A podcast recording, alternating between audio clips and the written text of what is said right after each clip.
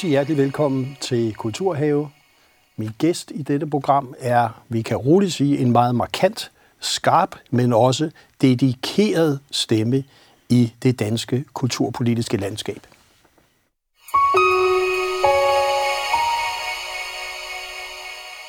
Og velkommen til dig, Senja Stampe, kulturordfører De Radikale. Tak skal du have. Og du har været på arbejde siden den 11. marts, kan vi vist roligt sige. Nedlukning, kulturlivet som et af de områder, der virkelig mm. har været udsat, og du har været involveret i alt, hvad der er hjælpepakker, kompensationspakker og ordninger. Du må lige fortælle, hvordan har din tid været siden den 11. marts?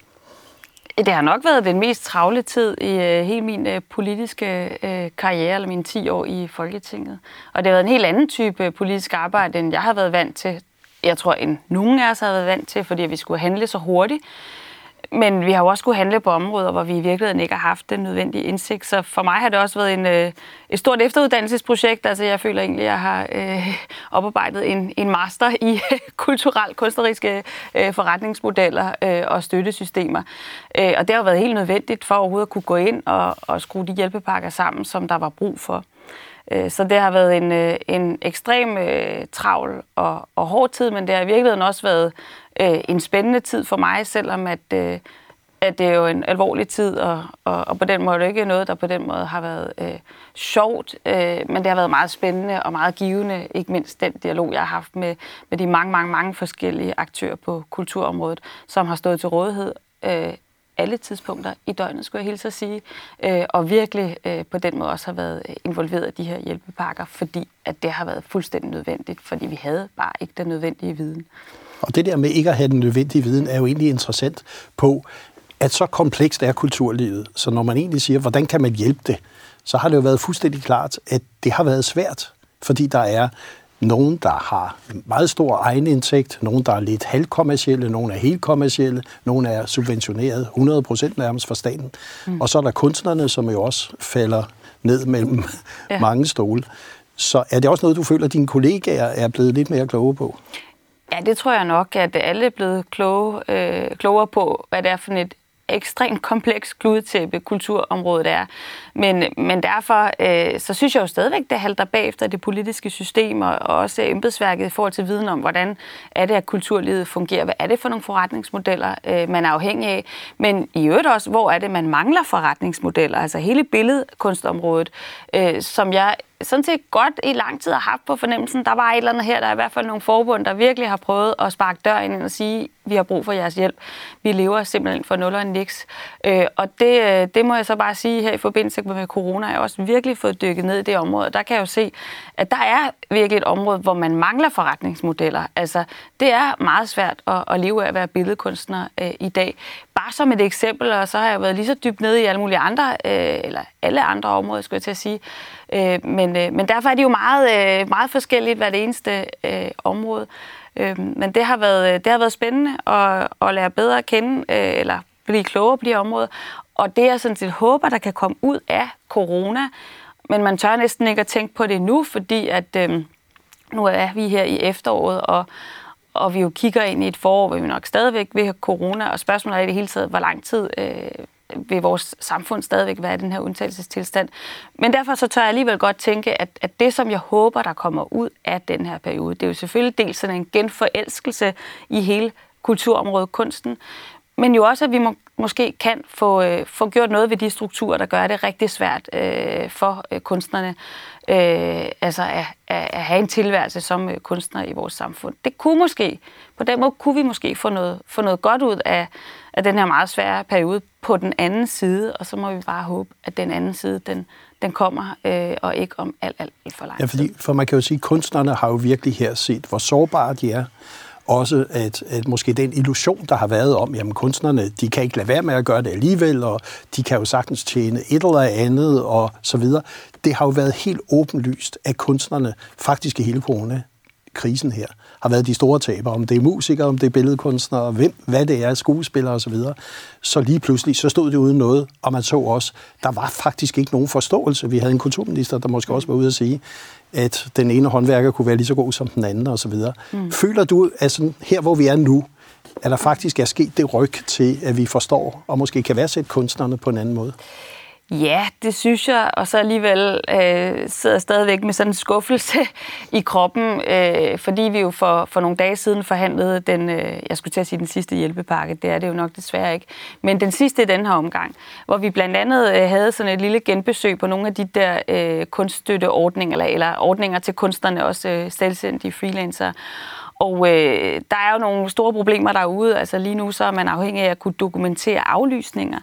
Øh, altså, øh, man skal vise, at jeg havde faktisk en, en kontrakt på at spille til en koncert her i november. Den er blevet aflyst nu på grund af øh, det store forsamlingsforbud, øh, og derfor så, øh, så får jeg ikke mine penge. Men, men det er jo slet ikke sådan, situationen er derude. Øh, der er selvfølgelig nogen, der er blevet booket, havde nogle jobs, der er blevet øh, aflyst, men for langt de flestes vedkommende er der jo simpelthen bare har der været tale om en tom kalender. Fordi at hvis du går ud og spørger spillestederne, så er de jo heller ikke ture og booke, som de plejede, eller musikforeningerne rundt i hele landet, eller teaterforeningerne. Altså alle har jo indstillet sig på, at det her det er en ny tid. Det kan godt være, at vi kan skabe lidt aktivitet, men nu slet ikke, som vi plejer. Og det gør jo bare, at, øh, at selvom der er lidt aktivitet derude, så er det måske på det her niveau, hvor det var sådan her før. Og den der mango der, det er jo så øh, den, øh, som, øh, som giver sig udslag i tomme øh, konti rundt i hele øh, kulturlandskabet, ikke mindst hos kunstnerne. Og det synes jeg, der har været en manglende forståelse for øh, i embedsværket og også mange politiske partier, at de simpelthen ikke forstår, at øh, jamen, hvad, hvad, skal man, hvad skal man leve af som kunstner, når kalenderen bare er tom, når telefonen ikke ringer. Øh, skal man så skifte spor fuldstændig, eller vil vi gerne tilbage til at have det samme rige øh, kulturliv øh, efter krisen, og har vi så ikke et eller andet ansvar for at sørge for, at de mennesker, der lever af kulturen, rent faktisk øh, ikke behøver at gå fra hus og hjem eller skifte branche i, i, øh, i, i mellemtiden.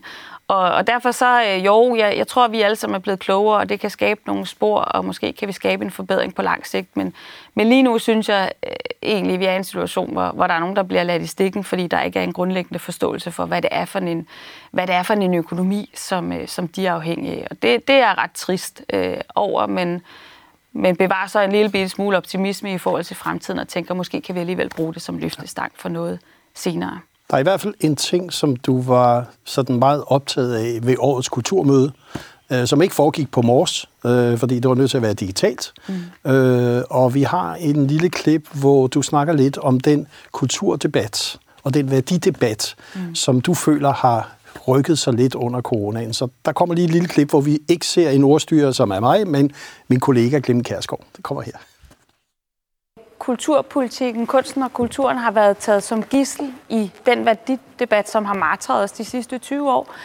Og som jeg også selv har virkelig svært ved at forholde mig til, skulle man gå ind i den der værdidebat, hvor man sagde, at man, jeg kunne godt lide noget, og så du lige noget andet, så kan vi skændes om, hvem skal så have pengene osv. Altså det synes jeg har været ødelæggende for kunsten og kulturen, at have været taget som gissel i den der øh, debat. Og det er sådan længe gået i virkeligheden og tumlet med, og har været meget uafklaret i forhold til, hvad, hvad hvad skulle man så gøre? Skulle man som mig gå ind og give Dansk Folkeparti modspil, mm. og ligesom gå i den modsatte grøft, eller skulle man prøve at balancere, og så på en eller anden måde blive uh, helt neutral? Men det, der så er sket, hvad, og som hvad, er fuldstændig, der kan man spørge? det, der er sket, som er fuldstændig fantastisk, og som jeg synes er den vigtigste pointe, det er nemlig, at vi har fået en kulturdebat, som ikke længere er polariseret. Ja, en kulturdebat, der ikke længere er polariseret. Er det egentlig, øh, kan vi sige, et af de positive ting, der er sket her den sidste tid? I hvert fald under corona, men ja. det er jo ingen garanti øh, mod, at vi øh, kommer tilbage og vælter ned i skyttegraven, eller nogen vil så nogle af os vil måske prøve at holde os op af de der skyttegrave, men det kan faktisk være ret svært, når, når en debat bliver polariseret. Ja. Men det, som jeg mener, det er, det er jo øh, de 20 år, vi har haft, som, som hvor jeg synes, kulturdebatten har været sådan en stedfortræder debat i virkeligheden for nogle lidt større værdipolitiske debatter, øh, land, by, øh, det nationale versus det internationale, øh, det smalle, det brede, øh, folk, elite, øh, fortid, nutid, man kunne blive ved. Den der sådan dikotomi, hvor jeg jo synes, at begge dele er vigtige. Altså, det er jo både vigtigt at hylde kulturarven, men jo også at skabe noget om og for vores egen tid, øh, i virkeligheden også til fremtiden, de skulle også gerne kunne huske os på noget andet, end at vi vedligeholdt fortidens monumenter. Øhm, og på den måde synes jeg jo, at den der polariserende debat er så trist, fordi at den graver en grøft mellem to meget vigtige øh, dele. Altså, at Det er både vigtigt med fortid og nutid og fremtid. Det er vigtigt med det smalle og det brede. Det er vigtigt, der er både noget i land og i by, øh, og at der er folk, men også at der er en øh, elite øh, inden for kulturen. Altså, på den måde er det jo helt øh, åndssvagt og også trist, øh, hvis vi får en debat, hvor man bliver tvunget til at melde sig enten ind på det ene hold eller det andet hold. Og, og, og det har virkelig gjort det rigtig svært at navigere i, synes jeg, fordi at hvis man ikke havde lyst til at, at melde sig øh, enten på den ene fløj eller den anden fløj, øh, Øh, så blev man i virkeligheden bare usynlig i debatten, og så var der i virkeligheden kun Dansk Folkeparti tilbage, som stod og så talte øh, folket øh, mod eliten, den onde elite, ikke? Og, og, og, og landet mod øh, de der øh, snobbede, øh, virkelighedsfjerne byboere, og, og for øh, Morten Kork, eller bare en, en dejlig harmonisk fortid mod øh, den fremmedgørende, øh, forvirrende nutid osv. osv. Og det har bare været en, øh, en rigtig trist debat, og, og i virkeligheden også en rigtig svær debat, synes jeg, at navigere i. Og det var bare så befriende, at under coronakrisen, som vi jo så stadigvæk er i, men måske især i starten, der blev de der fronter opløst. Fordi øh, som kulturfører havde vi jo bare en fælles interesse i at kæmpe for kulturen. Og det var uanset om det var øh, spillesteder, der spillede øh, moderne jazz, eller om det var øh, øh, eller om det var museer, der formidlede øh, kulturarven. Øh, og det synes jeg var øh, en meget smuk oplevelse. Det var også en periode, hvor vi var i meget tæt dialog med organisationerne og forbund, der er jeg stadigvæk. Øh, så på en eller anden måde synes jeg, at øh, det, der var så, så smukt ved den her periode, og det er måske også det, man nogle gange ser i en, en krigstid, hvis man må tillade sig at bruge den metafor, selvom det er selvfølgelig øh, for hårdt, men i hvert fald en krisetid, det er jo, at man, man står sammen. Altså på tværs af, af holdningsskæld, på tværs af forskellige institutioner, forskellige genrer, øh, forskellige sider af bordet, så at sige, så står man sammen, fordi at øh, nu må vi bare sørge for, at vi kommer igennem det her. Og så må vi tage de øh, gamle skænderier op på den anden side. Og der håber jeg bare, at... Øh, at noget af det, vi, vi, vi fandt sammen om, at vi også kan bevare det på den anden side, så vi nemlig ikke bare ryger ned i den der forsimplende debat, som, som jeg synes er meget trist for kulturområdet. Og det er jo ikke det samme som, at vi, vi ikke må have værdidebat, og der er også nogle vigtige diskussioner i balancen mellem øh, land og by og bredde og, og, og det smalle og folk og elite osv. Der er nogle vanvittigt spændende diskussioner der, men, men det handler jo netop om, hvordan bygger man bro mellem, mellem kan man sige, den ene yderlighed og den anden. Ikke hvordan udraderer man hinanden, øh, hvordan øh, graver man sig ned i hvert sit hul, og har ingen anden kommunikation end, øh, end, øh, end øh, granater, man kaster i hovedet på hinanden. Øh, der skal vi ikke tilbage igen. Men selvfølgelig skal der være plads til værdidebat øh, og diskussion, men forhåbentlig en, vi kan blive klogere af, og ikke bare en, som, øh, som gør øh, diskussionen til en, en sport, ja. mere end en, en, synes jeg, øh, erkendelsesudvidende proces, hvis jeg må øh, tillade mig at bruge sådan et, øh, et, et, et, øh, et højt flyvende ord. Det må du i hvert fald. Øh, hvis vi så siger, det var ligesom coronaen, som både udfordrende, måske også har været med til at positionere kunsten og kulturen anderledes. Mm. Øh, jeg synes, det var spændende at høre det sidste pressemøde, der var, hvor en statsminister bliver spurgt af nogle landstækkende medier omkring kulturinstitutioner på samme niveau som erhvervsliv, mm. og man faktisk har en form for diskurs i spejlsalen i statsministeriet. Mm. Så man kan jo sige, der er jo sket noget med kunsten og kulturen. Yeah. Øh, hvad så med alt det, der ligger foran nu? Fordi der er jo også noget, der hedder divisioner, de nye spor, som man som kulturoverfører og for de radikale, som jo har en stolt tradition for kulturpolitik. Hvad ligger der egentlig, når vi snakker medielov, museumslov, teaterlov? Der ligger jo en masse områder, som... Ligger det så bare brak, når der er corona, eller hvad sker der? Ja, altså, øh, det har nok ligget brak her i løbet af foråret, men jeg håber da på, at vi kan prøve at, gå, at få åbnet nogle af de debatter, som ligger, og desværre har ligget jo i, i nærmest 10 20 år for nogle områders vedkommende. Fordi det er, øh, altså, det er en svær opgave for eksempel at se på museumsloven, når man skal sidde og fordele de der penge på ny. Ikke? Øh, men omvendt, når man kigger på, hvordan pengene er fordelt i dag, så er der jo alle mulige historiske årsager, at øh, eller forklaringer på, at det er, som det er.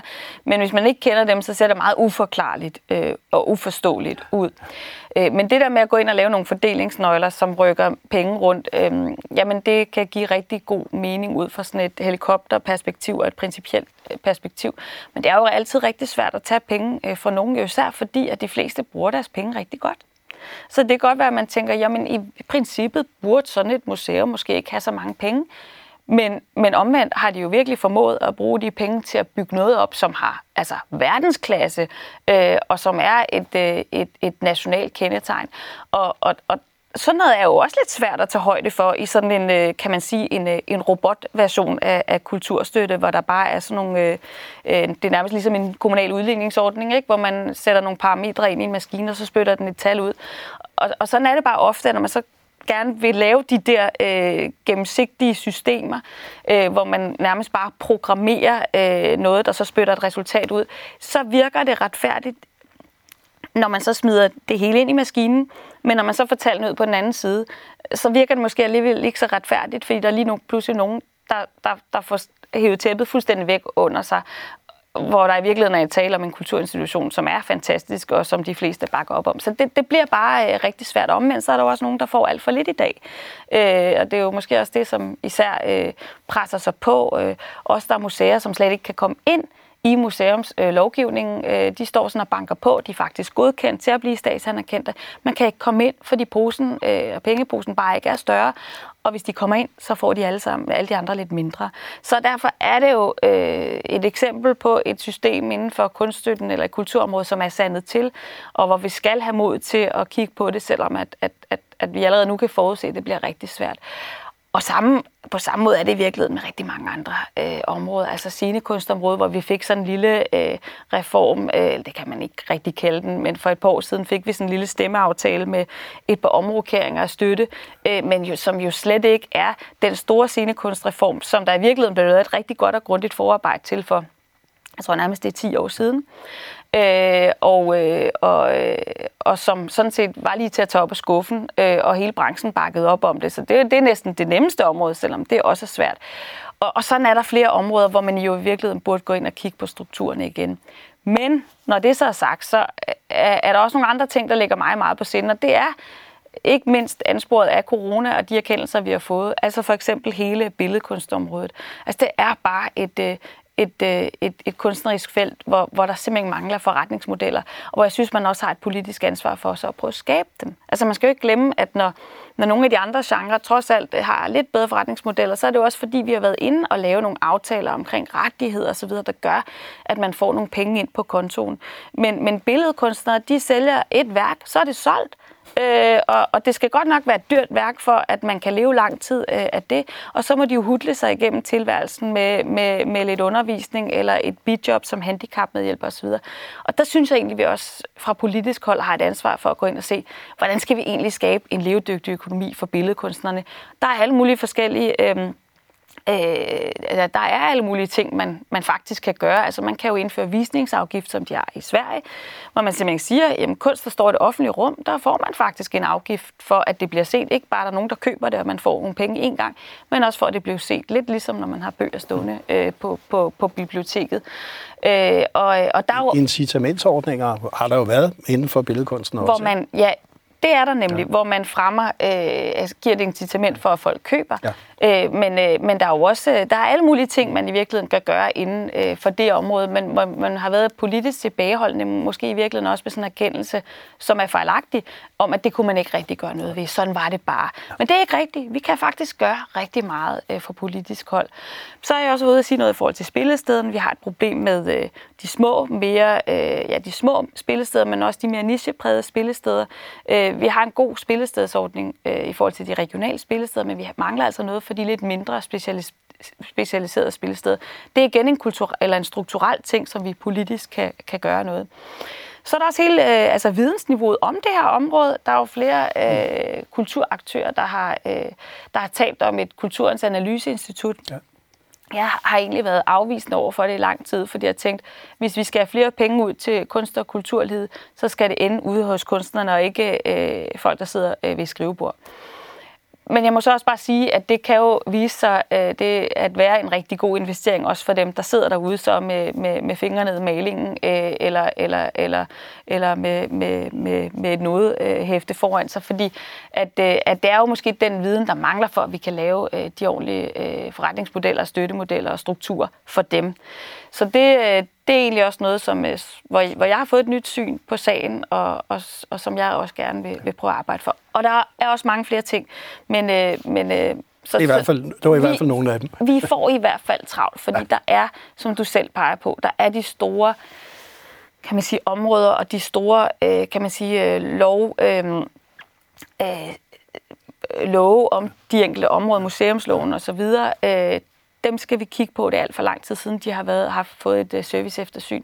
Men så er der også bare en masse andre områder, der står og banker på døren, og som, og som kræver noget politisk øh, vilje, men jo i virkeligheden også noget uh, politisk kreativitet.